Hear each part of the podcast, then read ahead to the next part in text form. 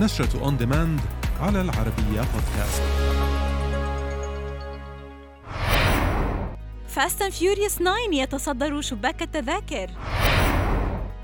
كولين فاريل وريتشل وايز في Love Child فينيسا كيربي تنضم لفيلم The Son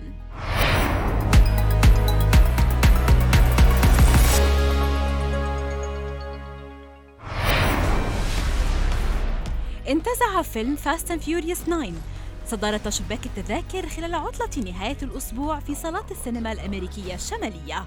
وحقق الفيلم في عطلة نهاية الأسبوع الأولى إيرادات قدرها 70 مليون دولار في صالات الولايات المتحدة وكندا. يذكر أن سلسلة أفلام Fast and Furious ستختتم في الجزء الحادي عشر بحسب ما أعلن بطل السلسلة فان ديزل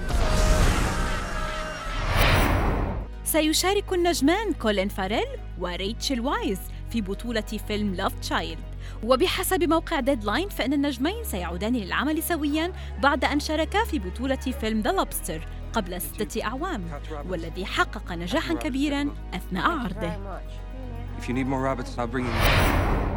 انضمت الممثلة فانيسا كيربي للنجمين هيو جاكمان ولورا ديرن لفيلم The Son. وتدور الأحداث حول بيتر وزوجته إما وابنهما عندما تنقلب حياتهم رأسا على عقب بعد ظهور زوجته السابقة كيت برفقة ابنها المراهق.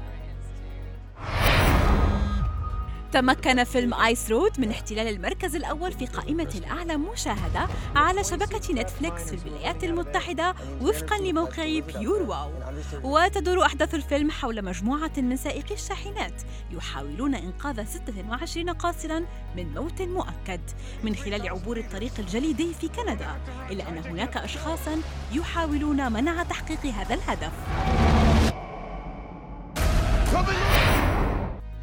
أطلقت شبكة Showtime إعلانا تسويقيا قصيرا تعلن به عودة السلسلة الدرامية Billions إلى الشاشة في خريف العام الجاري حيث سيستأنف عرض ما تبقى من حلقات الموسم الخامس في الخامس من سبتمبر من هذا العام.